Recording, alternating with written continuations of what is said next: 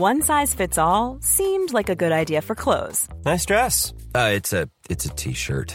until you tried it on. Same goes for your healthcare. That's why United Healthcare offers a variety of flexible, budget friendly coverage for medical, vision, dental, and more. So, whether you're between jobs, coming off a parent's plan, or even missed open enrollment, you can find the plan that fits you best. Find out more about United Healthcare coverage at uh1.com. That's uh1.com. I'm Sandra, and I'm just the professional your small business was looking for. But you didn't hire me because you didn't use LinkedIn jobs. LinkedIn has professionals you can't find anywhere else, including those who aren't actively looking for a new job but might be open to the perfect role, like me. In a given month, over 70% of LinkedIn users don't visit other leading job sites. So if you're not looking on LinkedIn, you'll miss out on great candidates like Sandra. Start hiring professionals like a professional. Post your free job on linkedin.com/people slash people today. Hey, it's Ryan Reynolds, and I'm here with Keith, co star of my upcoming film, If, only in theaters, May 17th. Do you want to tell people the big news? All right, I'll do it. Sign up now and you'll get unlimited for $15 a month in six months of Paramount Plus Essential Plan on us. Mintmobile.com slash switch. Upfront payment of $45 equivalent to $15 per month. Unlimited over 40 gigabytes per month. Face lower speeds. Videos at 480p. Active Mint customers by 531.24 get six months of Paramount Plus Essential Plan. Auto renews after six months. Offer ends May 31st, 2024. Separate Paramount Plus registration required. Terms and conditions apply if rated PG.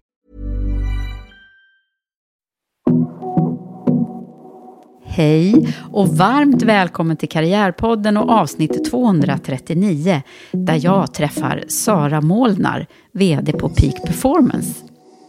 Sara arbetade tidigare inom bank och finanssektorn och var länge inom SCB innan hon med sin bakgrund som extremskidåkare följde sin passion och tog sig in i outdoorbranschen. Peak Performance är ju grundat av tre svenska manliga freerideåkare på 80-talet, men är idag ett mer kvinnolett internationellt bolag med utländska ägare. Sara har med sin bakgrund som jurist från finansvärlden kunnat bidra med det som behövdes för att ta det entreprenöriella bolaget till nästa steg.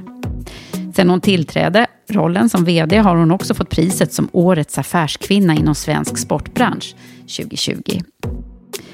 Det här är ett samtal om att byta bana, om att följa sin passion, om skidåkning och ledarskap och varför hon är värdegrundsbesatt. Men innan vi drar igång vårt samtal vill jag passa på att tacka Karriärpodden och Women for Leaders samarbetspartner Volkswagen Group Sverige. Tack för att ni gör det möjligt för oss att sända Karriärpodden och att jag får fortsätta lyfta fram förebilder. Här kommer nu avsnitt 239 med min gäst Sara Molnar. Jag heter Eva Ekedal.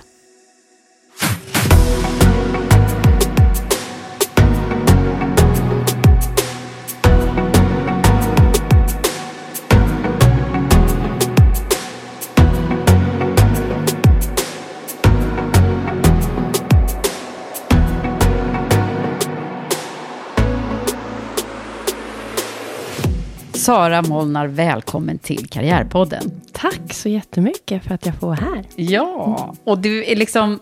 Ah, jag har redan innan vi startade igång här varit så fascinerad över dina kläder. Såklart så är det ju pikkläder som du kommer med här. Jajamensan, alltid. Allt, är, är det liksom hela, hela He- sättet? Hela, hela kittet. Ja. Det är sån vacker mossgrön färg kan vi säga då, ni som inte ser det här. Ehm, som är både tights och någon teddy-grej. Mm. Såklart. Och du, går du alltid runt i pikkläder? Eller? ja, det gör jag faktiskt. Jag skulle säga att jag både på jobbet och privat, i princip alltid, även när jag går på fest. Alltså det är så? Ja, nej, men Ja. kanske, kanske då inte liksom ett cocktailparty så, men... men Så här, men- skidbrallor och jacka. Nej, men, men jag, jag, jag älskar ehm, att gå i, i liksom, och kombinera också liksom den här, ehm, Sportiga looken. ja, Mm. det är jag liksom. Mm. Gud vad härligt. Men du har ju inte alltid haft sp- sportkläder på jobbet. Nej, Nej. nej, nej. det, och, och det är väl också en, en och liksom, att landa i det här att kunna vara sig själv, både liksom på in och utsidan. Eh, och många gånger när jag liksom jobbade i en helt annan bransch, så kände jag lite att jag klädde på mig liksom en, en, eh, en eh, jobblook. Liksom. Mm. Det tror jag många gör. Man har sin jobbgarderob och sin privata garderob. Så det är ju kanske... Men nu kan du ha samma. Ja. Ja, gud vad härligt. Går alla, och alla har förstås det som jobbar? Ja, jag skulle säga att, att det... mm, Ja, vi, vi har ju... Det är ju en otroligt stor, eh, stark kultur hos oss på Peak Performance. Eh, och de flesta som jobbar hos oss gör det för att man älskar varumärket. Det är en enormt eh, en kultur som drivs av passion för livsstilen och vad varumärket står för. Och det gör också att man lätt liksom ja, också trivs i att klä sig i våra kläder. Och vi har ju också den livsstilen på kontoret där vi tränar tillsammans och då går man i träningskläder. Och, ehm, så att, Hela dagarna. Ja. Gud vad skönt det låter. ja, det är jätteskönt. Det är lite som under pandemin när vi i och för sig gick runt så. Alla. Det, var, det var också härligt. Sen har ju vi förmånen också att så här, vi har nästa års grejer och liksom alla, alla ser ju väldigt coola ut. Ja, liksom. verkligen. Eh, Den, den där att- västen är jag väldigt intresserad av. Men nej, men nu ska vi inte bara prata om kläder i den här podden. Vi ska förstås Mm. prata om Sara. Men, men jag måste säga att jag, jag eh, är ju liksom förmodligen som många andra svenskar väldigt så här fan av, av ditt varumärke som, som du jobbar för. Mm. För det var ju så här, när man fick sin första pikjacka, det är liksom... Mm, eller fick köpa, hade råd att köpa. Mm. Eh, och sen så blir man lite stolt när man liksom åker runt och åker skidor i andra, Mm. eh, andra länder, att det är, det, är liksom, ja, det är svenska kläder. Mm. Och det är lite häftigt det där du säger med sin första skidjacka. Det är otroligt många i Sverige, Norden, man pratar med var man jobbar någonstans, som just har en, har en väldigt stark relation till varumärket och kommer ihåg när de köpte sin första Peak Performance-jacka. De vet exakt, och många har kvar den också. Jag har själv kvar min eh, första Peak Performance-jacka, en gul, liksom brandgul, lite längre modell. Och min mamma sa till mig så här att "Ah, nu köper vi den liksom väl tilltagen så att du kan, Kan växa kan i växa i den här. Och jag har fortfarande inte vuxit i den. Liksom. Men jag har den faktiskt hängande på kontoret. Ja, vad härligt. Ja, men du Sara, nu måste vi ju, nu börjar vi i varumärket, det brukar jag inte alltid göra, men det var, det var så talande med hela din, din approach här idag. Eh, men eh, vi ska ju få lära känna dig och, och in, hur resan till vd på Peak Performance har gått till. Eh, för det är ju inte alltid som det har varit ett faktum såklart. Men, eller? Hade Nej. man kunnat gissa det kanske? Nej, nej. Nej. Nej. Det är ju en, en, ett annat starkt varumärke som du har jobbat för i många år. SE-banken. Ja, och det var inte heller självklart, skulle jag säga. Utan jag, eh, jag läste juridik och ekonomi på universitetet. Eh, och efter det, liksom, visste väl inte riktigt, jag hade ingen riktigt sådär utstakad plan, utan juridiken läste jag för att jag tyckte den var väldigt rolig. Ekonomin läste jag för jag tänkte att det är ett bra komplement. Eh, mitt första jobb var på Intrum Justitia, där jag jobbade med att stämma folk. Okej, Det kan ju också vara en bra Ja, början ja. på en karriär. Det, och, och, så där, där tillbringade jag två år, liksom i, delvis i domstol och sådär, men, men upptäckte att det blev ju ganska negativt. Liksom, det är väldigt sällan det blir en lycklig utkomst. Det är alltid någon, det finns ju en anledning till varför någon inte betalar och den anledningen är oftast att man inte har råd. Liksom. Och, så att, så att det blev ganska negativt och jag kände så här att, åh, det här är ju inte liksom... Så att, och då eh, hamnade jag in på banken på, på ur liksom, eh, den här aspekten att där gör man affärer. Där, är det liksom, där, där börjar det hela. Det kan vara Eh, positivt. Precis, så, att, så att, s- på, av den anledningen så eh, hamnade jag på SEB och sen eh, så hade jag ju 14 fantastiska år. Det var 14, 14 år jobbade jag på SEB. Mm, I olika roller, olika världsdelar och så. Men... ehm, Men ganska cool liksom, grej att först jobba så länge inom bank och finanssektorn och sen bara outdoor-kläder. Jo, men och, och, det, och det, det, där finns det väl en logik i att jag lite hamnade på banken. Och det är ju en sån stor, fantastisk organisation med liksom oerhört mycket möjligheter. Och jag eh, fångade möjlighet efter möjlighet. Och Mm. liksom, Vad jobbade du med på, på banken? jag började som jurist inom capital markets med eh, värdepappershantering. Och sen så växte det genom åren och i och med att jag hade både ekonomin och eh, juridiken så hamnade jag så småningom in i en mer liksom business development-roll. Eh, och idag är ju bankvärlden styrd väldigt mycket av legala eh, compliance-delar. Så att det var liksom en, en bra kombo. Jag jobbade hela tiden på affärssidan. Men eh, ja, som sagt, olika delar av världen såg liksom eh, mycket av mycket av New York, mycket av London, Frankfurt och, Ah, och, och Baltikum och så. Bodde du utomlands också? Nej, eller? jag pendlade, Nej, du pendlade ofta. Liksom så Ja. så, att, så att det, var, det var fantastiska år. Men Och då hade, var det den här andra, apropå kläder då, då hade du Ja. Eh, finanskostymen Ja. typ på dig. Det hade jag ju, när jag liksom Eller som mötte- min man säger, bankpyjamasen som han Precis. sätter på sig när han går till jobbet. Precis. Mm. Jag hade bankpyjamasen när jag, när jag jobbade med advokatbyråer i New York. Mm. Eh, det hade jag. Och, och, och det var fantastiskt och lärorikt och jättekul. Eh, men jag hade aldrig riktigt mitt hjärta i det. Liksom. Jag, det, det, var inte, det var inte min passion.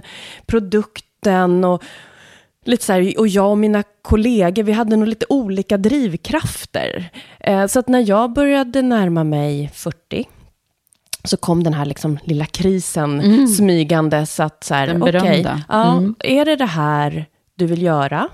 Och om du inte byter nu till någonting annat, så blir du nog fast här resten av livet. Liksom. Var det du själv som kände Ja, jag det? kände eller? det Mm. lite. Att så här, okej, 14 år, det är länge. Och ja, ska jag göra någonting så måste jag nog hoppa nu. Liksom. Och då började jag liksom, eh, rannsaka lite, okej, vad, om jag inte gör det här, då vill jag ju göra någonting där jag har mitt hjärta, där jag har min passion. Eh, och då började jag liksom titta, så, vad, gör, vad är det då? Och skidåkning har alltid varit en jättestor del av mitt liv. Åh, och, vad härligt. Vi, jag, då kommer vi att kunna prata skidåkning, du och Ja. jag. Ja. och, och, eh, och jag tävlade lite i extremskidåkning när jag var yngre. Och jobbade lite liksom extra med ja, skidrelaterade projekt och sådär. Och då hade jag en relation med Peak Performance där jag fick kläder från Peak Performance. Ah, så, du var så Ja, så där duktig hade jag alltså. liksom en så här, Mm. ja det här är ju ett fantastiskt varumärke. Och eh, det finns en, eh, en man som heter Peter Malm, som fortfarande jobbar på Peak Performance, Mm. som var liksom min, min ingång. Eh, och han är faktiskt en av våra, den anställda som har jobbat längst på bolaget. Ja. Och han är fortfarande kvar. Så honom kände du via att du hade tävlat Ja, då? Mm. precis, precis. Och då, så det, jag har alltid haft en väldigt positiv bild av, av det här varumärket och liksom känt att jag kan identifiera mig med det. Så att eh, det jag gjorde helt enkelt där i, liksom när jag var runt 40 var att jag skrev ett klassiskt brev till dåvarande vdn och sa hej, jag heter Sara och eh, jag tror att jag skulle kunna göra ett jättebra jobb hos er. Ah, vad coolt. Så du gjorde det alltså? Eh, det var ingen annan, ingen annan väg som banades för dig, utan det var att du skrev ett brev? Ja, och så tog vi en frukost. Några dagar senare fick jag flyga ner till Danmark och träffa dåvarande Men koncern visste du att de sökte? Nej, nej. Nej. Och, och, och de sökte nog kanske inte heller egentligen Nej. riktigt, utan det fanns en roll, men den gjordes om eh, ganska mycket då, för att den, jag skulle passa och den skulle bli lite seniorare och sådär. Men, men det jag inte visste då, men som de väl visste, det var ju att de också skulle sälja av bolaget. Ja, så det här är, vilket år säger du att det här är? Det här är då 2017. Ja, just det. Så att, så att eh, För då var det Stefan Engström och... ja, Nej, eller? utan det här, det var en ganska lång period när det var en dansk modekoncern som hette Icy Group som ägde Peak Performance. Så det var de som ägde Peak Performance då och de skulle sälja av bolag eller sälja av varumärket. Och då kom min bakgrund väldigt väl till pass. Så att jag tror att det liksom var också lite det som gjorde att det öppnades en dörr. För jag hade ju ingen som helst erfarenhet av industrin. Nej. Titta, Mm. såna, så kan vägarna gå. Vad hände då på de här, det här mötet? Och, Eh, när jag flög ner till Danmark och träffade koncern då började han att lägga upp en lapp framför mig där det typ stod så här två streck ett. Och jag bara tänkte så här, vad, han bara, vad betyder det här för dig? Och då, jag vet inte, ja det var väl lite tur. Men jag visste, samma dag skulle min man flyga ner till, till Köpenhamn och titta på, jag tror att det var om det var EM-kval eller VM-kval eller någonting. Och det var det resultat som jag visste att Sverige eller Danmark måste vinna med för att ta sig till VM, eller om det var EM. Och liksom, som en, som en lite flax då, så, så säger jag det, så här, det där är resultatet som kvällens eh, liksom, landsderby behöver sluta med. Fotboll för då, det. Ja. Mm. Eh, och eh, han bara, bra, då förstår vi varandra. Typ så här. Men, så bara, eh, men annars så hade vi en, en, eh, en konversation såklart om eh, om klädindustrin, där jag fick liksom villigt erkänna att det här, här behöver jag lära mig. Liksom. Mm. Men, men också handlade det då mycket om att eh, Peak Performance var ett ganska fortfarande entreprenörsdrivet bolag, och för att kunna liksom, eh, transformeras till att ha ett högre värde i en försäljningsprocess, så behövde man också se över alla processer, få in mer KPI-tänk och um, ja, mm. se till att man blev bättre på att bygga en mer liksom, business case och sådana saker. Så där kom min erfarenhet från banken in. Liksom. Kom ju väldigt mm. väl in då. Mm. Minns du den här känslan, undrar jag? För det här är ju ganska, måste ju vara ett moment i, mm. ditt, mm. i din yrkeskarriär, eller? Ja, jo, men det var Och jag kommer ihåg att jag ringde eh, min man på flygplatsen i Köpenhamn, bara, jag tror att jag kan få det här jobbet. Det kändes liksom helt overkligt. Och då, och då var det som business developer, ja, ska jag säga. just det, för det var eh, inte vd då, nej. nej. nej. Mm. Uh, och det, så det, var, det var overkligt. Så du började som, och, och då, vem var det som var vd då? Rapporterade du till, till den företrädande vdn då, alltså som... Ja, precis. Mm. Då eh, eh, rapporterade jag till Nikolas eh, Warszalowski, som då ah, var vd på Peak Performance. Ah. Mm. Och det var ju väldigt modigt av både honom och dåvarande eh, koncern-vd att ta in mig som ett helt liksom, wildcard. Ja, jag tänker också mm. det, att där får man ju verkligen ge dem cred. För mm. att det är sånt som, som jag som jobbar med rekrytering eh, försöker att uppmana mina mm. uppdragsgivare till att vara modiga. Och våga ta, liksom, eh, inte det, det liksom bara man ska ha erfarenhet av exakt samma bransch och sådär, utan att det kan till och med liksom bli ett mervärde av att mm. ta in någon som, som kommer från mm. en annan värld. Vilket det uppenbarligen var här då. då. Mm. Sen tror jag att det gjorde lite ont för organisationen. Um, och jag vet att jag nog gick på lite för hårt i början. Liksom. Det tog lite tid för mig att kalibrera in mig, från att komma från en väldigt sådär, eh, ja men, finansvärlden är ju vad den är. Det, det, är liksom, det finns processer, du utmanar, mm. du, du, liksom, du måste stå för dina siffror, du måste veta vad du pratar om. Till att komma in i ett bolag som dels var entreprenöriellt, men också har en väldigt stor kreativ del, där det handlar om att du ska analysera trender, du ska känna dig inspirerad och också då den här starka kulturen mm. som, som bygger liksom på passion och um, togetherhood som vi säger. Liksom. Och där kom jag väl in lite som en ångvält och jag kände liksom att förstår de ens vad jag pratar om här? Jag, jag vet att det, det var lite kulturkrock ja, och, och jag mm. behövde liksom, jag vet att jag sa det till någon, så att jag kände till en början, innan jag hade förstått mig på liksom, organisationen och de drivkrafter som existerade, så kände jag mig lite som en så överpumpad cykelslang. Som bara konstant liksom behövde släppa mm. ut lite pyspunka. För jag bara ville liksom, nu ändrar vi det här, nu gör vi så här istället. Men det, det går ju inte. Du måste ju få med dig organisationen. Du måste få alla att förstå varför. Och där fick jag... Kämpa lite. ja, där fick jag mm. kämpa lite. Mm. Vad var det som fick dig att, att förstå då, hur du skulle göra? Ja, men dels var det några, några liksom så här som var, hade liksom öppet, bara du, det här, så här kan du inte göra här. Liksom. Antingen får du anpassa dig till hur vi fungerar och vad, liksom så. Så, så att några sådana samtal som jag är väldigt tacksam för mm. idag, Eh, Eh, men också skulle jag säga att lära känna personerna. Att förstå att okej, okay, här jobbar man med hjärtat. Liksom. Man är här för att man älskar det man gör och för att man vill, vill väl. Sen kanske man behöver ändra om lite för att bli lite mer professionell i hur vi, hur vi arbetar. men det är just det där att få med någon som har en väldigt stark passion, jobbar med hjärtat och gör sitt bästa för det och tror att det är det rätta. Det kan vara ganska svårt att förändra. Då måste man verkligen säga, vet du vad, det kommer bli ännu bättre om vi gör så här. Liksom. Mm. Så det var en liten process, det här låter Ja. det som. Men vad, vad hände då? För sen blev du ju vd, 2019 om jag har läst på rätt. Mm, eh, 20 ja, kanske, eller? 2018, i, efter sommaren där, så gick jag in liksom interimt och sen blev det Ah. ehm, fast ja, vid årsskiftet. Så att, eh, jo, det som hände var ju att bolaget skulle då eh, iordningställas för att säljas och vi gjorde eh, alla due diligence-processer, vi hade eh, väldigt många konsultbyråer inne och, och eh, revisorer. Vi vände på varenda sten och jag blev ansvarig för den försäljningsprocessen i princip. Liksom. Och det gjorde ju att jag lärde mig bolaget väldigt väl. Och sen hade vi en Och då var det också bra med din bakgrund med både juridik och finans då. Ja, och sen så tror jag också när vi sen hade den här försäljningsprocessen och det var liksom många globala intressenter, vi hade en roadshow, vi hade presentationer. För mig var ju det, det var ju liksom, det var, det var, det var sådana typer av människor och konstellationer jag var van att hamna i. Ehm, så att, ehm, och det var jätteroligt och väldigt lärorikt.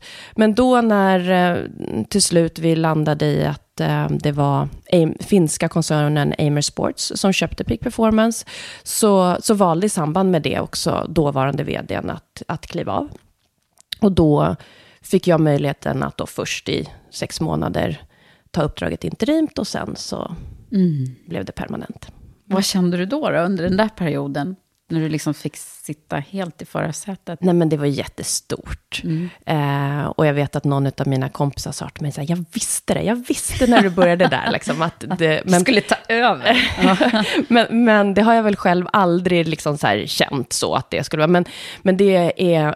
Det är fantastiskt. Jag, jag skulle säga att så här, jag har världens roligaste jobb på världens, liksom, för mig, eh, bästa varumärke.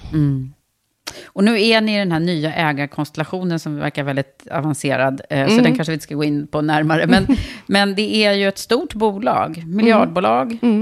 Och eh, i hur många länder eh, är det ni agerar? Vi är ju fortfarande störst i Norden, men, men vi växer mycket i Centraleuropa och vi öppnade vår första butik i Peking förra veckan. Ah. Ja. Superhäftigt. Eh, en helt ny era för, för, för oss och eh, en ny helt marknad för mig att Ja. liksom försöka leda i.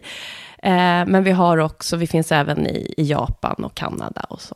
så att, eh, men, men det är fortfarande, skulle jag säga, Europa är ju vår stora marknad Ja. och framförallt liksom Norden och alpregionen. Och huvudkontoret ligger inte så långt från där vi sitter nu. Nej, precis. Men du, Sara, vi måste ju också... Nu, nu har vi fått en direkt glimt i din, eh, din karriärbana. Här. Men hur är du som människa då? Och var kommer det ifrån? Nu måste vi gräva lite, Ja. vet, som jag brukar göra här i podden. Mm, absolut. Nej, men jag är uppvuxen söder om Stockholm. Jag eh, är eh, sladdis. Eh, jag har en storebror som är nio år äldre och en stora syster som är elva år äldre än mig. Mm, vad har det betytt då? Ja, men jag tror att det har, det har nog format mig ganska mycket. Jag det tilläts aldrig vara liten och töntig, liksom, utan det var hela tiden, häng med, eh, gråt inte. Eh, det, och, och apropå skidåkning, så var det ju liksom så här, jag åkte skidor med min nioåriga, nio år äldre storebror. Liksom. Ja, då var det bara att Eh, hänga med. Ja, liksom. det var bara att hänga med. Och eh, har du inte satt på dig vanten, gör det medan vi åker, för jag väntar inte. Liksom.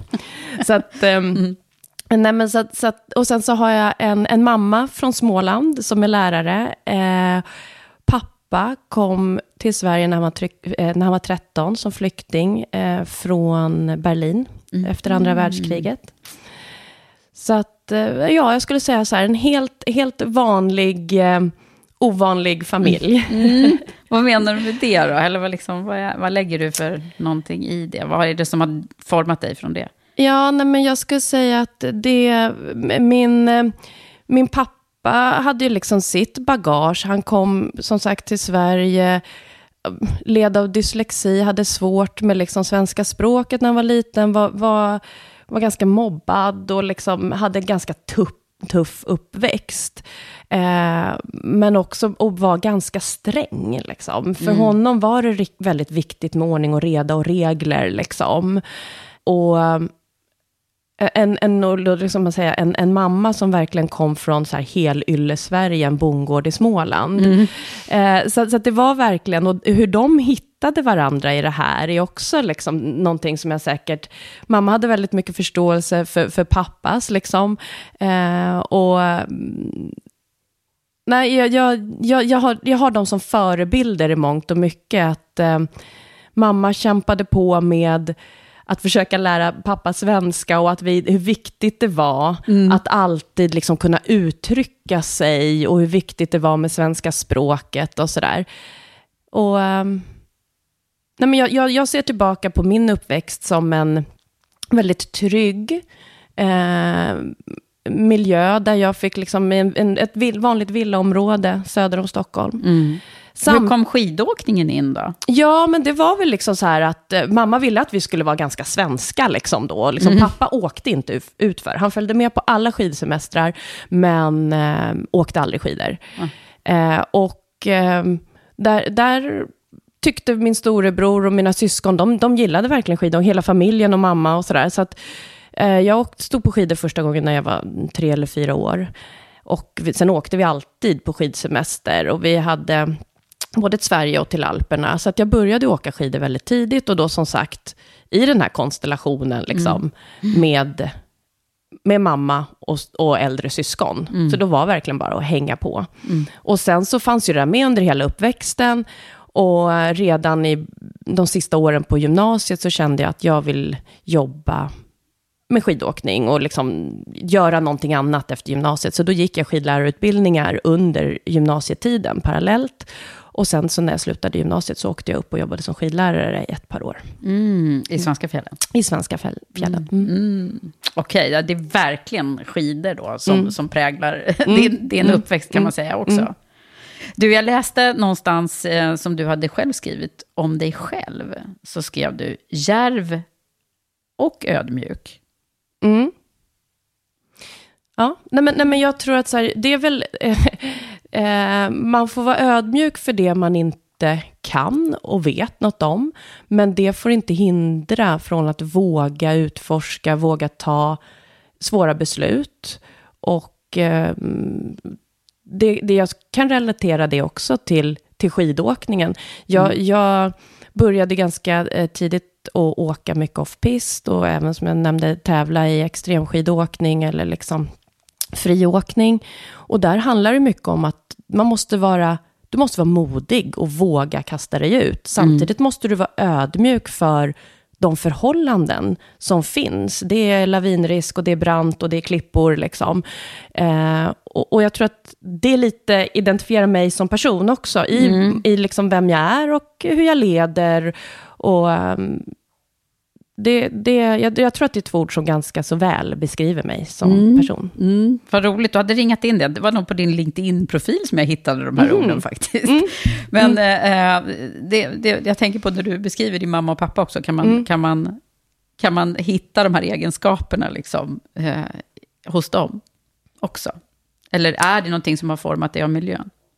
Nej, men jag tror att det är miljön som har format eh, det. Jag, jag skulle säga så här att eh, som, som, som barn så var jag nog mycket av den här dukt, klassiska duktiga flickan. Liksom. Mm. Ville, ville inte göra någon besviken, ville, ville passa in. Och att liksom ha modet och ödmjukheten, det har nog vuxit fram mer liksom, med vad som jag, jag mår bra av. Och mm. um, när det gäller att stå upp för något och när det är liksom mer eller mindre viktigt för mig. Mm.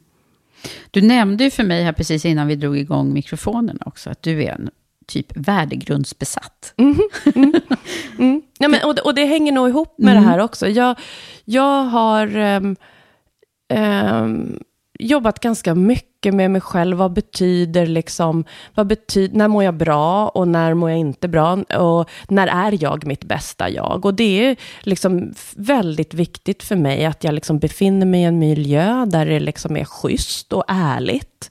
Eh, och jag vet att jag växer och är mitt bästa jag när det finns eh, de omständigheterna.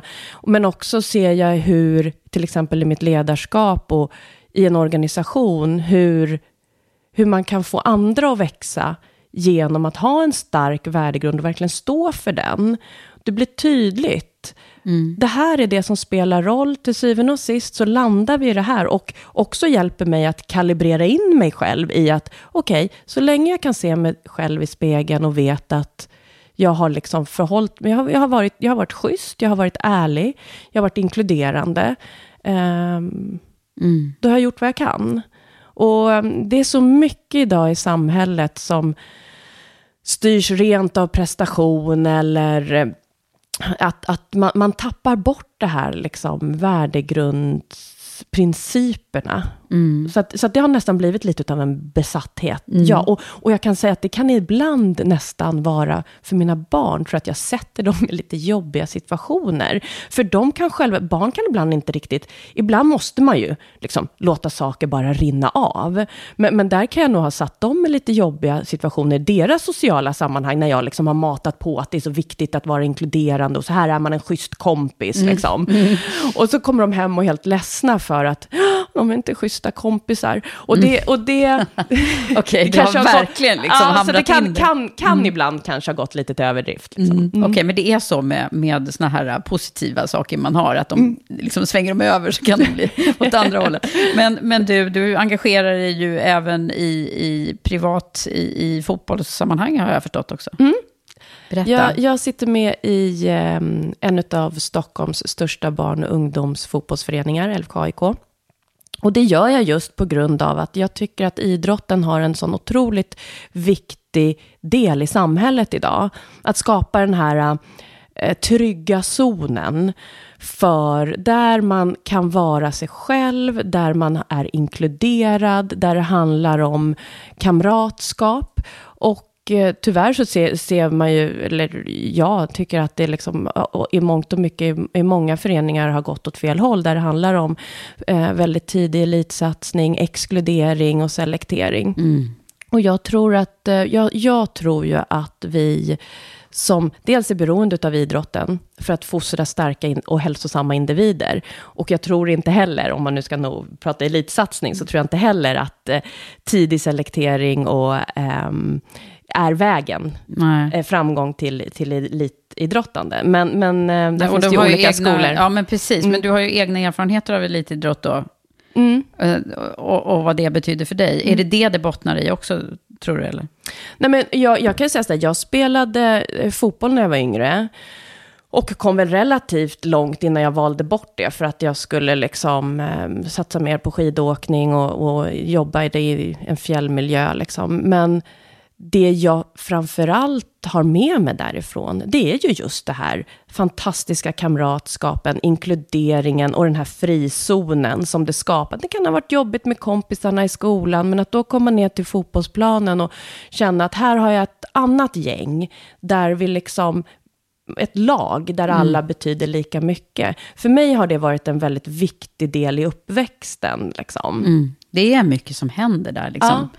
Eh, jag har själv eh, ju också spelat fotboll, och liksom både de här lagidrotterna. Mm. Och, alltså man lär sig otroligt mm. mycket, nästan lika så mycket som man lär sig i skolan. Nej, men mm. det är ju, mm. eller hur? Mm. Jag tänker på det här med, med eh, ledarskap generellt sett och så. Du, du har ju fått pris också, ska vi säga. Du har ju fått utmärkelsen Årets affärskvinna inom svensk sportbransch. Ja. Eh, och där stod det ju en hel del om, jag läste motiveringen där, mm. där stod det så här, med sin starka personlighet kombinerad med ödmjukhet och ett genuint intresse för kollegorna är hon självklar ledare.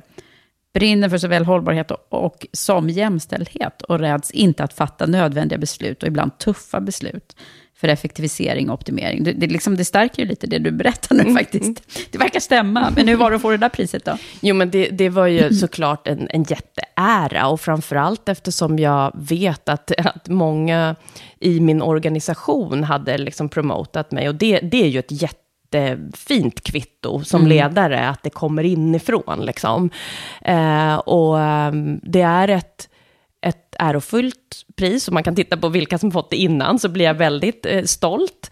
Eh, men samtidigt så, så, så är jag, jag tror att jag sa det också när, när jag fick priset och jag, skulle, jag fick frågan, vad ska du göra nu när du är innehavare av den här titeln mm. i ett år, liksom, vad ska du göra då? då? Då svarade jag lite kaxigt så här att, nej men jag tycker ju inte att det här priset egentligen ska behövas. Så att jag ska väl jobba för att, att det inte ska behöva finnas i framtiden. Liksom. För, att, för att någonstans så är det, är det så att eh, jag, jag tycker att vi, män och kvinnor, spelar samma spel på samma planhalva.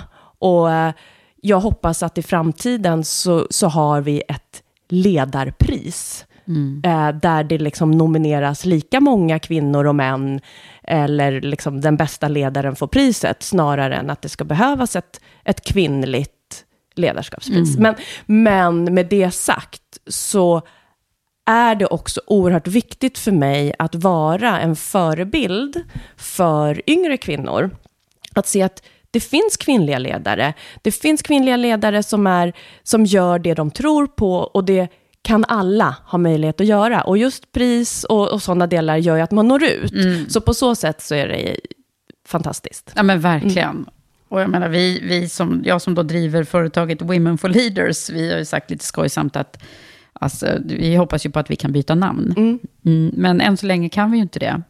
Och du jobbar ju nu i en bransch som är, det är ju, jag menar, det skulle ju faktiskt kunna spegla världen i stort. För det är ju många kvinnor och mm. män som mm. idrottar och har på sig outdoorkläder, och, och, eller generellt sett i hela, hela modeindustrin. Mm. Men det, hur ser det ut? Det är eh, rätt mycket män på toppen där, va? Hela sportindustrin är ju väldigt mansdominerad. Liksom. Mm. Uh, nu är det inte så Hos, hos mig. Nej. Utan jag Ni är liksom helt kvinnolätt nästan? Nej. Nej, Nej men, men, vi har en, eh, en majoritet kvinnor i bolaget och även just nu faktiskt även i vår ledningsgrupp. Mm.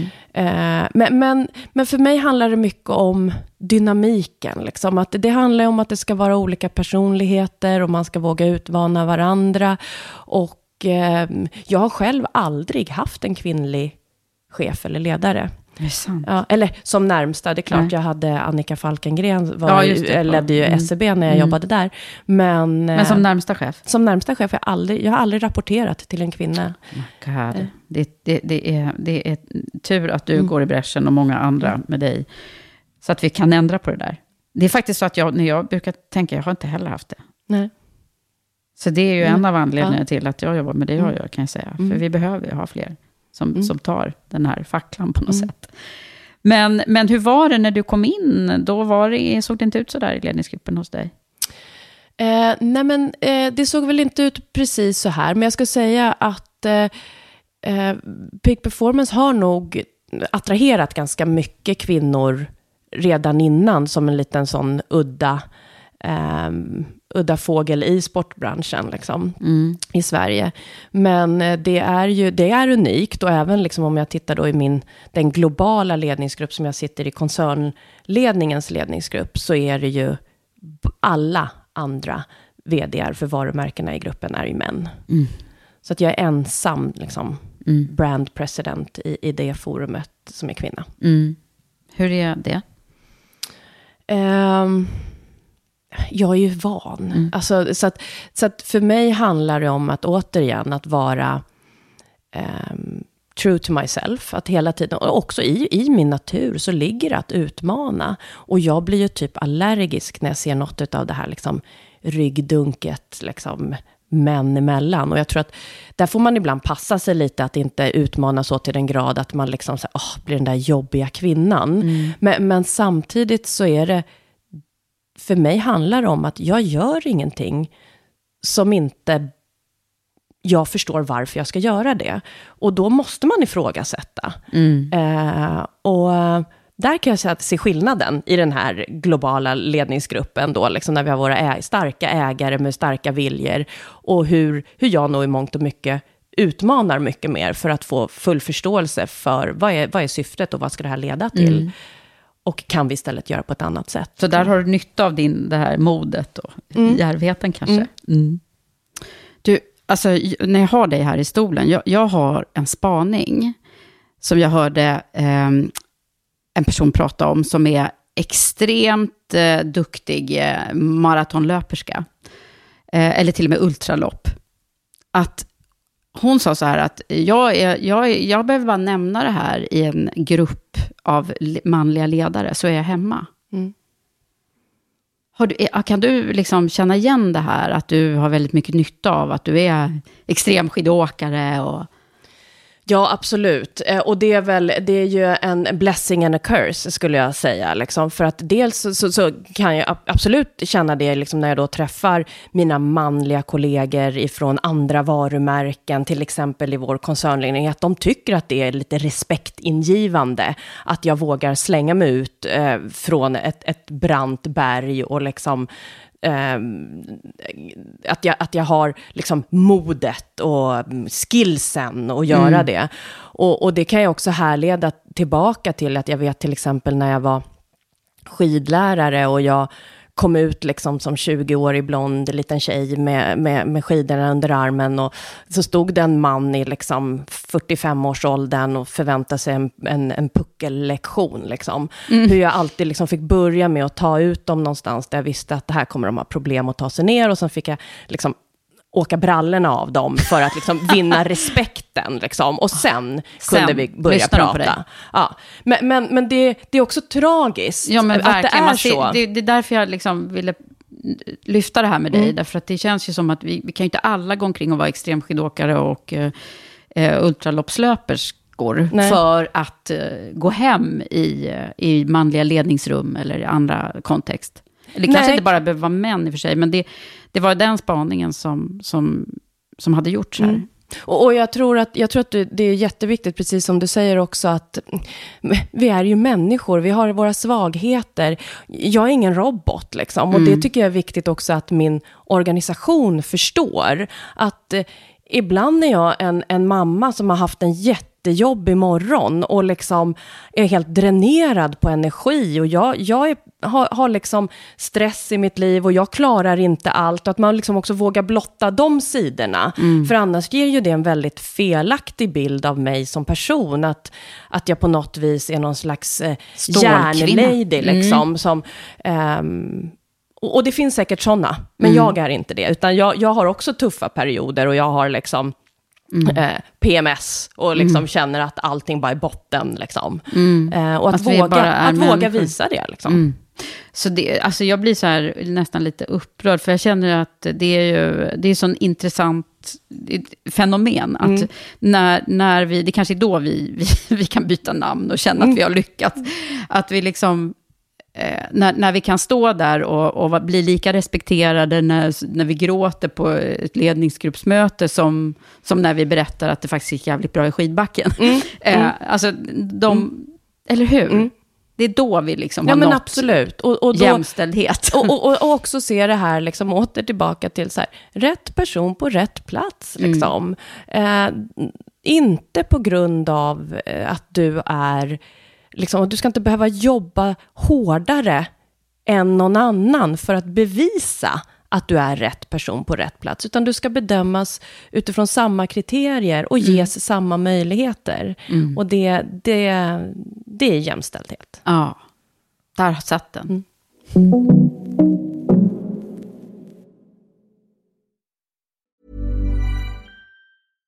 Hiring for your small business? If you're not looking for professionals on LinkedIn, you're looking in the wrong place. That's like looking for your car keys in a fish tank. LinkedIn helps you hire professionals you can't find anywhere else, even those who aren't actively searching for a new job but might be open to the perfect role. In a given month, over 70% of LinkedIn users don't even visit other leading job sites. So start looking in the right place. With LinkedIn, you can hire professionals like a professional. Post your free job on linkedin.com slash people today. Hey, it's Ryan Reynolds, and I'm here with Keith, co star of my upcoming film, If, only in theaters, May 17th. Do you want to tell people the big news? All right, I'll do it. Sign up now and you'll get unlimited for $15 a month in six months of Paramount Plus Essential Plan on us. Mintmobile.com slash switch. Upfront payment of $45 equivalent to $15 per month. Unlimited over 40 gigabytes per month. Face lower speeds. Videos at 480p. Active Mint customers by 531.24 get six months of Paramount Plus Essential Plan. Auto renews after six months. Offer ends May 31st, 2024. Separate Paramount Plus registration required. Terms and conditions apply if rated PG. Millions of people have lost weight with personalized plans from Noom. Like Evan, who can't stand salads and still lost 50 pounds. Salads generally for most people are the easy button, right? For me, that wasn't an option. I never really was a salad guy. That's just not who I am. But Noom worked for me. Get your personalized plan today at Noom.com. Real Noom user compensated to provide their story. In four weeks, the typical Noom user can expect to lose one to two pounds per week. Individual results may vary. Wow. Nice. Yeah. What you're hearing are the sounds of people everywhere putting on Bombas socks, underwear, and t-shirts made from absurdly soft materials that feel like plush clouds. Yeah, that plush. And the best part? For every item you purchase, Bombas donates another to someone facing homelessness. Bombas. Big comfort for everyone. Go to bombas.com slash ACAST and use code ACAST for 20% off your first purchase. That's bombas.com slash ACAST. Code ACAST. Hey there, it's Michelle Norris. I'm host of a podcast called Your Mama's Kitchen. When I travel, I'm usually looking for a way to find a taste of home when I'm not at home. And one of the things I love to do when I am at home is entertain. And Airbnb allows me to do that. When I was in California recently, I rented a house that had a great kitchen. And when we were sitting around the table, we were all thinking, we're in someone else's house. Someone could be in all of our homes as well. If you have a home, but you're not always at home, you have an Airbnb. Your home might be worth more than you think. Find out how much at airbnb.com/slash host.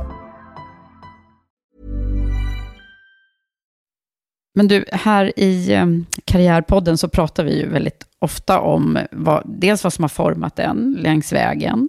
Men ibland så händer det ju liksom saker med oss och det blir eh, det är både sånt som är fantastiskt roligt, som när du fick det här priset och eh, och blir framgång på olika sätt. Eh, men sen finns det ju stunder när det är tufft. Mm. Och man har eh, ja, kanske tvivel på sig själv. Eller är du en sån här som alltid är, har en stark tro på dig själv? Nej. Nej, jag önskar att Ja. jag var det. Ja. Men, men, men det kommer väl också tillbaka till det här med värdegrund och värderingar. Jag kan, jag kan ju bli otroligt dränerad och ifrågasättande när, mot mig själv när jag känner att jag blir orättvist behandlad.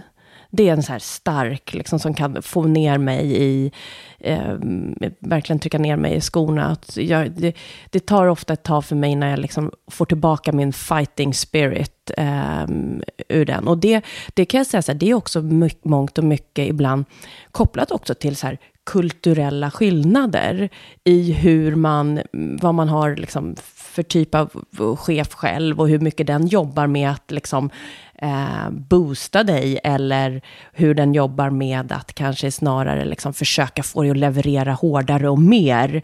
Eh, och där, där, där kan jag ju se liksom när jag har varit under ledare som eh, inte ser individen Sara, utan bara vill liksom trycka på leverans Mm. och där kanske har vägts in så här, ja, men liksom, det känns inte rättvist. Som Eh, bombar på liksom. Ja, lite så. Eh, jag, jag skulle säga så här, jag är inte alls i stort behov av bekräftelse, men jag är i behov av att det ska vara liksom rättvist. Mm, då kommer den där värdegrundsgrejen precis, in igen. Precis. Ja. Ehm, så att, så att det, det, det, det är viktigt för mig och, och försätter mig i de här topparna och liksom dalarna när jag känner att jag har ett starkt förtroende och liksom jag, ehm, så, så, så, så levererar Så jag. när, så när har de, finns det någon, någon, tänker du på någon speciell, ja, du behöver inte nämna någon person här, för det brukar man inte vilja göra, men har det varit stunder som har varit, finns det specifika stunder? Ja, det gör det. Och, och en av de stunderna kan nog ha varit också en så här, jag fick ändan ur. Jag trivdes jättebra på SCB och hade fantastiska kollegor och så. Men, men kom till liksom också en liten så här återvändsgränd, eh, där jag inte heller kände att jag blev liksom rättvist behandlad. Och där, där då fick jag också så här, det fick ju en positiv mm. effekt, för det gjorde att jag fick ändan ur och, och skriva det där mejlet och liksom ta mig i kragen och så här, vad vill jag göra? Um, så, så det är, det, och det är jag då tacksam för. Mm. Liksom. Ja, ibland behöver man ju det där. Ja. För att inte bara gå kvar ja. i samma ja. lunk. Liksom. Mm. Okej. Okay. Men vad har du för höjdpunkter? Finns det några riktiga höjdpunkter? Alltså jag måste, då, då måste, jag är också väldigt stolt över en höjdpunkt i, i min karriär som är länkad då till också det, den roll jag har på Peak Performance som gav mig den möjligheten. Och det var ju att jag fick åka damernas finalåk i Freeride World Tour, där de då slänger sig ut för eh, den eh, ö, ö, ökända eh, off-pist-repan på Bec de Ross i Verbier. Ah. Där jag fick åka eh, finalåket. Och det, det, för mig som skidåkare mm. så är det jättestort. Och det är också så här en ren eh, passionshöjdpunkt. Men jag hade aldrig fått den möjligheten om jag inte hade jobbat på ett varumärke där eh, skidåkning och, och hade, hade möjliggjort det här. Nej, så att för mig häftigt. är det en... Och, men berätta, vad, vad, vad är, det? är det? jag, har inte, jag har varit i Verbier, mm, men inte mm. den, jag tror inte jag kan identifiera det här stället. Hur ser det ut? Är det liksom Nej, en... utan man pratar ju om face då, och det är ju liksom det face som är på motsatt sida från liftsystemet. Ja. Liksom, där man, ja. Det blir nästan som en amfibieteater där, där åskådarna står. Eh, och det året jag åkte så hade jag fick tjejerna bli halvvägs, fick man åka helikopter upp. Och sen får man ju hajka på baksidan. Liksom eh, av för berget för att komma upp. Eh, killarna, de fick gå hela vägen upp och det tar ju x antal timmar och det är smala bergskanter och sådär. Men, eh, och, och sen står man där uppe på en liten smal sträng av snö uh. och väntar på sin tur. Och sen så är det någon som säger dropping in och då hoppar du in där och kör ditt... Och bara rätt utför. Ja, och, det, och då måste du nerifrån. Nu hade jag ju väldigt mycket support från våra mm. eh, egna atleter som tog sig tid att hjälpa mig också hitta min linje ner. För det är inte så lätt när man väl är där, att du, en felsväng och sen är du ute på ett liksom, då, då hamnar du i ett, ett klippblock eller, eller ett stup. Så det gäller ju också att ha koll, ha några riktmärken mm. som du har sett nerifrån. För du har bara ett försök. Mm. Och det är liksom ingen pistad tur Nej, det här. Det, det är extremt brant. Och, ja. Vad är det för eh, fallhöjd då? Och ja, det, det, vet, det vet inte jag. Men, men, när, du står, när du står uppe på toppen så ser du i princip bara startfållan längst ner. Du ser ingenting utav liksom... Det är som väggen ska... fast med utan pist. Alltså ja, väggen i... Ja. Och, och sen ska man väl säga så här, jag tog ju inte den mest extrema vägen ner. Gjorde eh, inte. nej, det gjorde jag inte. Men, men eh, det var en fantastisk upplevelse och en liten sån som jag personligen då fick ticka av på min bucket list. Mm, snacka om peak. Ja, det är living the brand. fick vi till det. Mm. ja. Vad är det annars tror du som har varit liksom så här vägskäl eller viktiga punkter i ditt liv? Ja, alltså mina föräldrar skilde sig när jag var 18. Mm. Det, det, var, det påverkade mig ganska starkt. Jag, jag då, kom ihåg att jag sa så här, jag önskar att jag var tio. Så att jag hade liksom fått åka till mormor och sen så hade de skött det här. Men det var, jag tvingades nog bli vuxen ganska tidigt där. Och jag tror också så här tillbaka till det här med värderingar igen. Mm. Att där landade jag nog också i så här, vad är rätt och fel? Och hur liksom, där tvingades jag ställa de här frågorna till mig. Så här, var vill jag bo? Var ska jag? Eh, och, och, när man är liksom, ah, 17 var jag, skulle fylla 18 men bodde fortfarande hemma. Det, jag blev liksom, det var så många beslut som jag behövde fatta. Vill jag bo hos mamma? Vill jag bo hos pappa? Pappa. Ska mamma då skaffa en, en, större lägenhet för att jag ska få plats fast jag är på väg härifrån? Hur viktigt mm. var det för mig egentligen att ha ett rum att komma hem till? Och sådana saker. Så, att, så att det var, för mig, eh, liksom, en skilsmässa vid den åldern blev, eh, det, det fick mig verkligen att, att tror jag, axla vuxenrollen ganska mm. så, så abrupt eh, och tidigt. Ja, så du blev liksom lite ansvarstagande ja, där. Ja. Mm. Mm. Vad, har, vad, tog du för roll i familjen, liksom yngst då?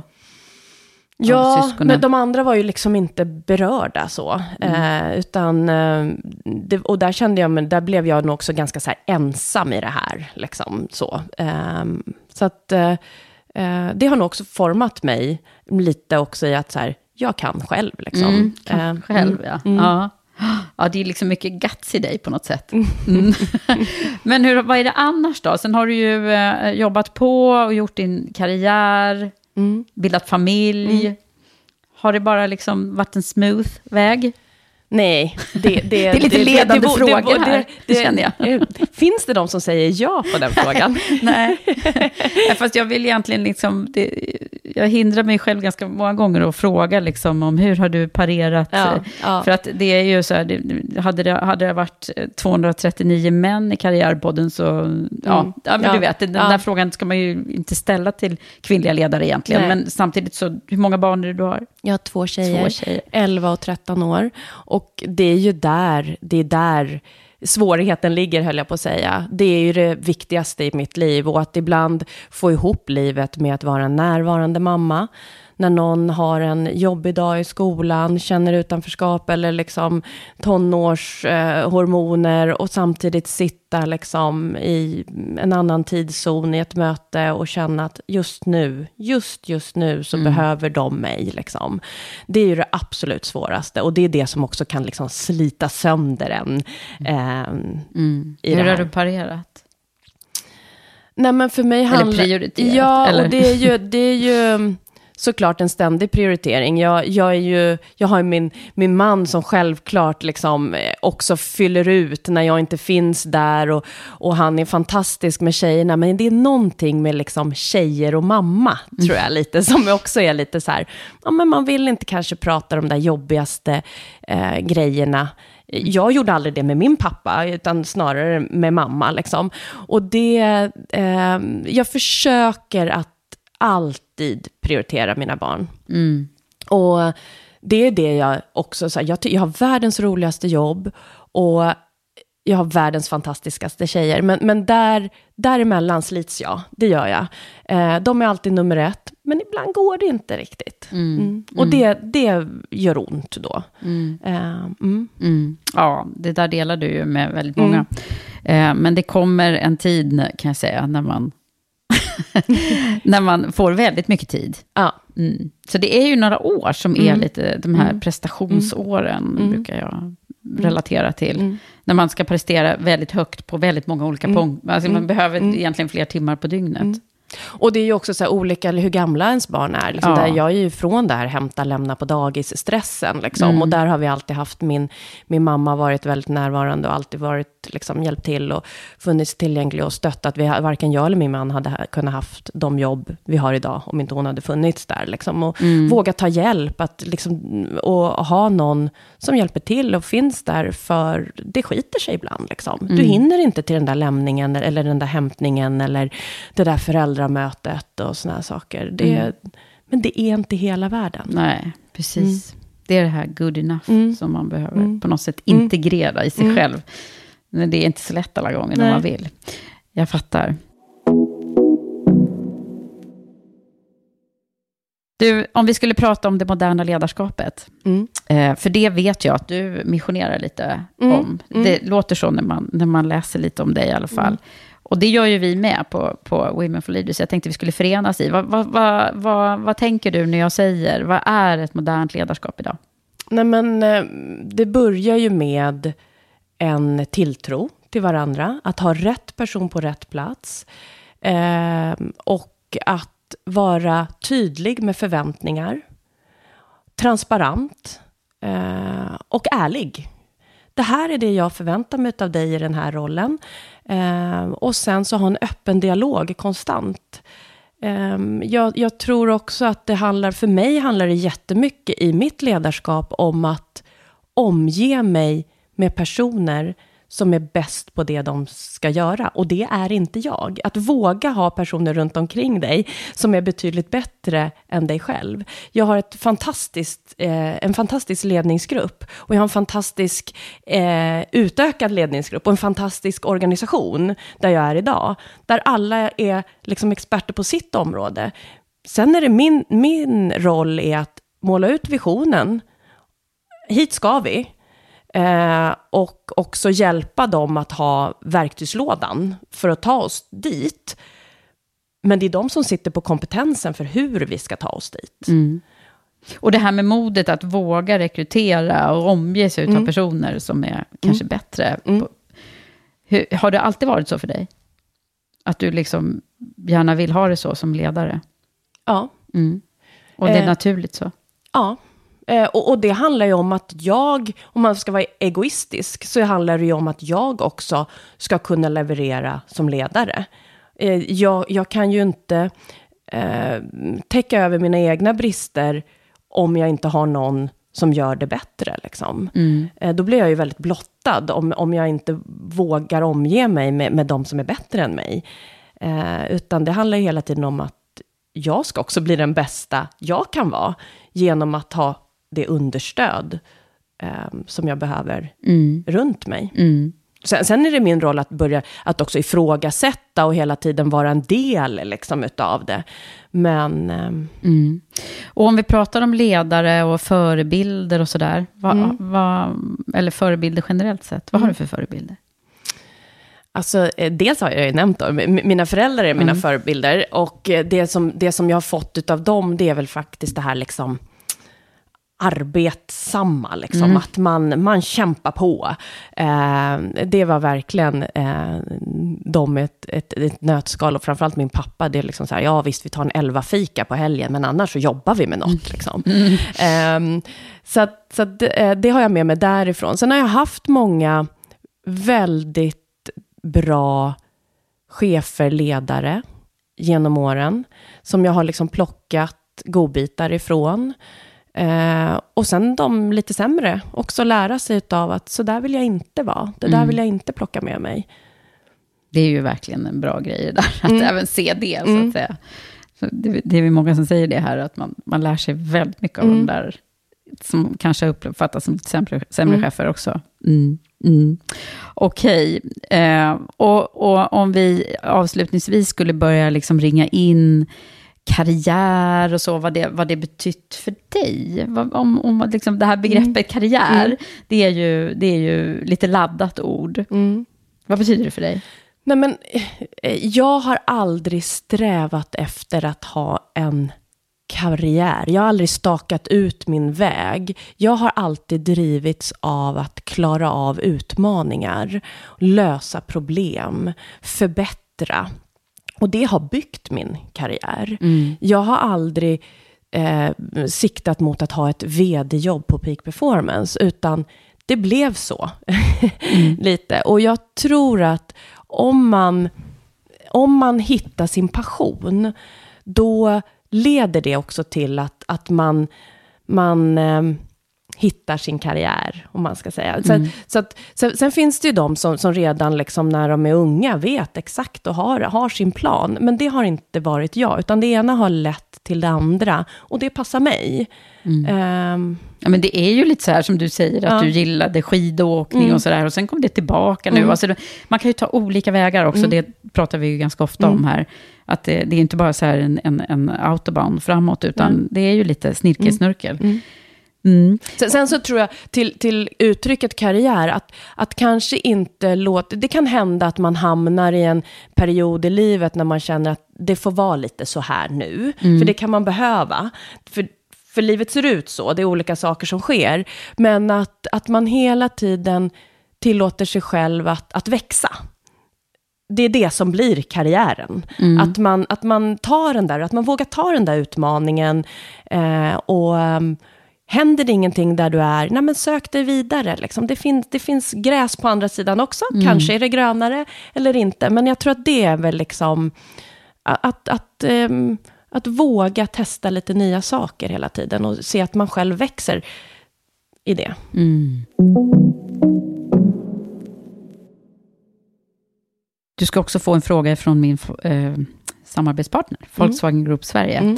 Som ju säkert, jag menar hållbarhet, det, det jobbar väl alla bolag med, Mm. säkert ni Mm. också, Mm. eller? Absolut. Ja, Mm. jag kan tänka mig det. Mycket hållbarhet i... i. klädproduktion. Det är det. Eh, det finns mycket ohållbart i klädproduktion Ja, jag menar också. Vi ska Så- inte så att- köpa för nej, mycket Så, att- så att där är det ju jätteviktigt för oss att vi, vi utvecklar produkter som håller och som Mm. har en lång livslängd. Och ehm, har ehm, ett, en, en plats i, i någons garderob under en lång, lång tid. Och det är, finns liksom ett andrahandsvärde. Och det är är utvecklat i ett eh, designuttryck som, som står över tid. Eh, så att, så att det är ju liksom att, att i en ganska utmanande kontext faktiskt göra vad man kan för att göra det så hållbart som möjligt. Mm. Och sen också säkerställa att eh, produkterna har en lång livslängd.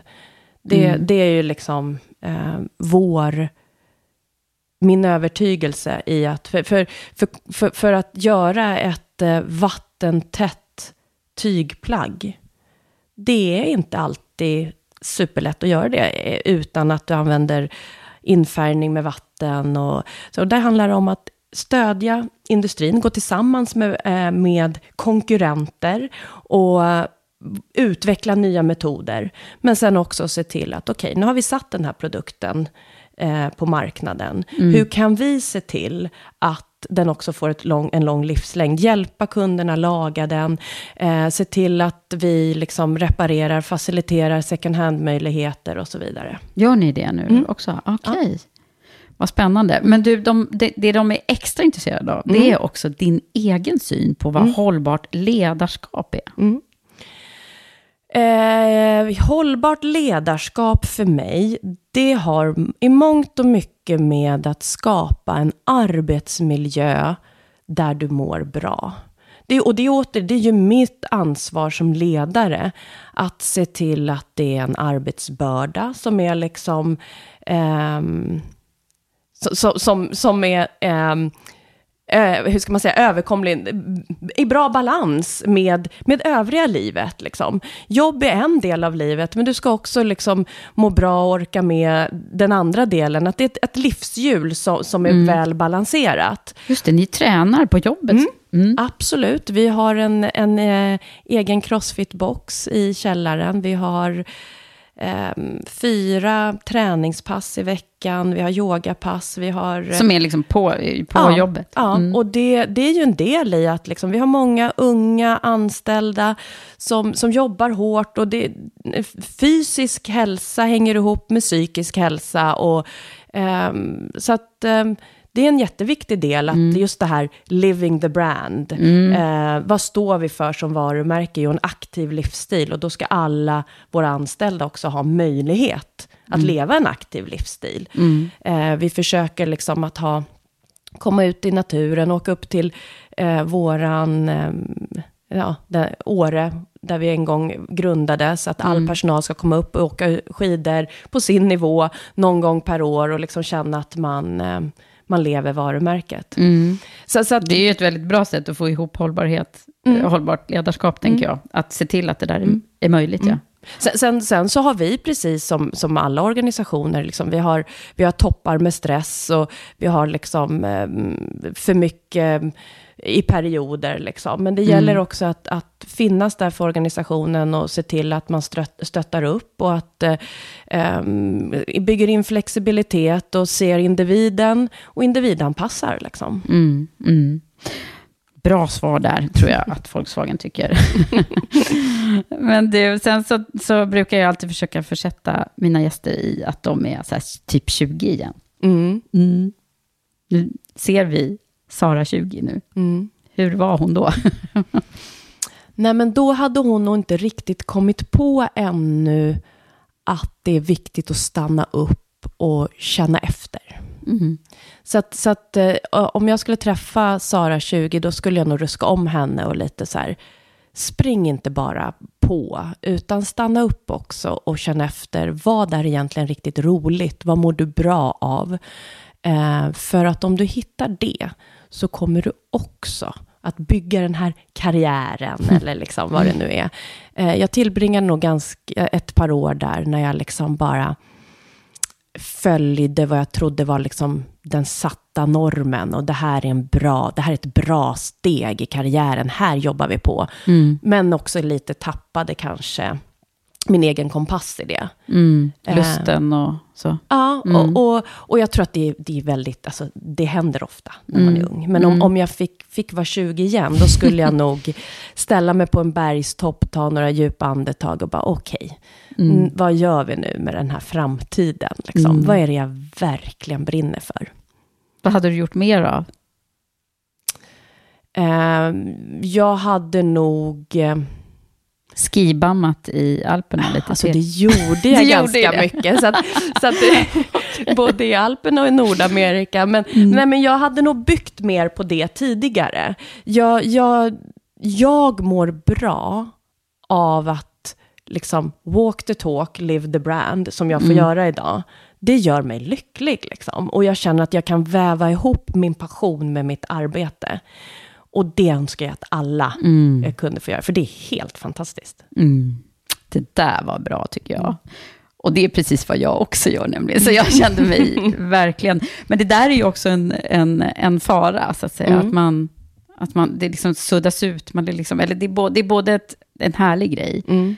men det är ju också så här, om man rycks bort ifrån jobbet av någon anledning, Mm. då är det, det blir lite tomt. Liksom. Absolut, men jag kan säga att jag sitter ju också i en ägarkontext med globala, ett väldigt globalt internationellt ägande med private equity involverat och så, så att jag rycks ganska brutalt in, in i den världen eh, också, Mm. eh, där jag får liksom vara inne och eh, kanske ibland lägga passionen åt sidan och, och fokusera mer på På prestation. prestation, globala tillväxttal och Mm. ehm, Mm, så är livet Mm. också. den, den, den hårda sanningen. Just det, liksom. vi ska inte bara sätta rosenskimmer på det här, Nej. att det är liksom lustfyllt och man ser dig åka skidor i balla kläder och så där. Det är inte bara det det handlar om. Nej, det finns styrelserum och det finns eh, korsförhör också. Mm. Mm. Jag förstår. Men du, tack snälla Sara för att du har varit här och delat med dig av ditt liv och din, din vardag och din tid som ledare. Tack snälla för att jag fick komma. Tack.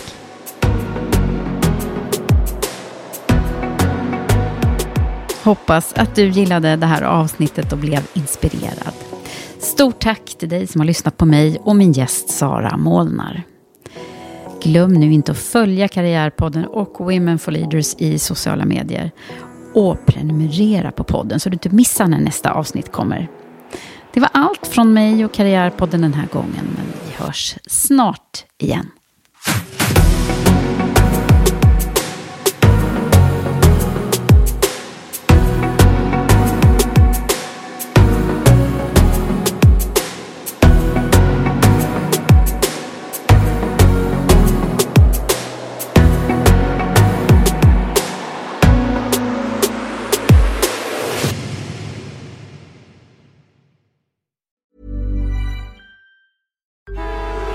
Traffic jams, tailgating, pileups. Ugh, the joys of driving. How could it get worse? The federal government wants to have a say in what you drive. That's right. The Biden administration's EPA is pushing mandates that would ban two out of every three vehicles on the road today. Don't let Washington become your backseat driver. Protect the freedom of driving your way. Visit EnergyCitizens.org. Paid for by the American Petroleum Institute.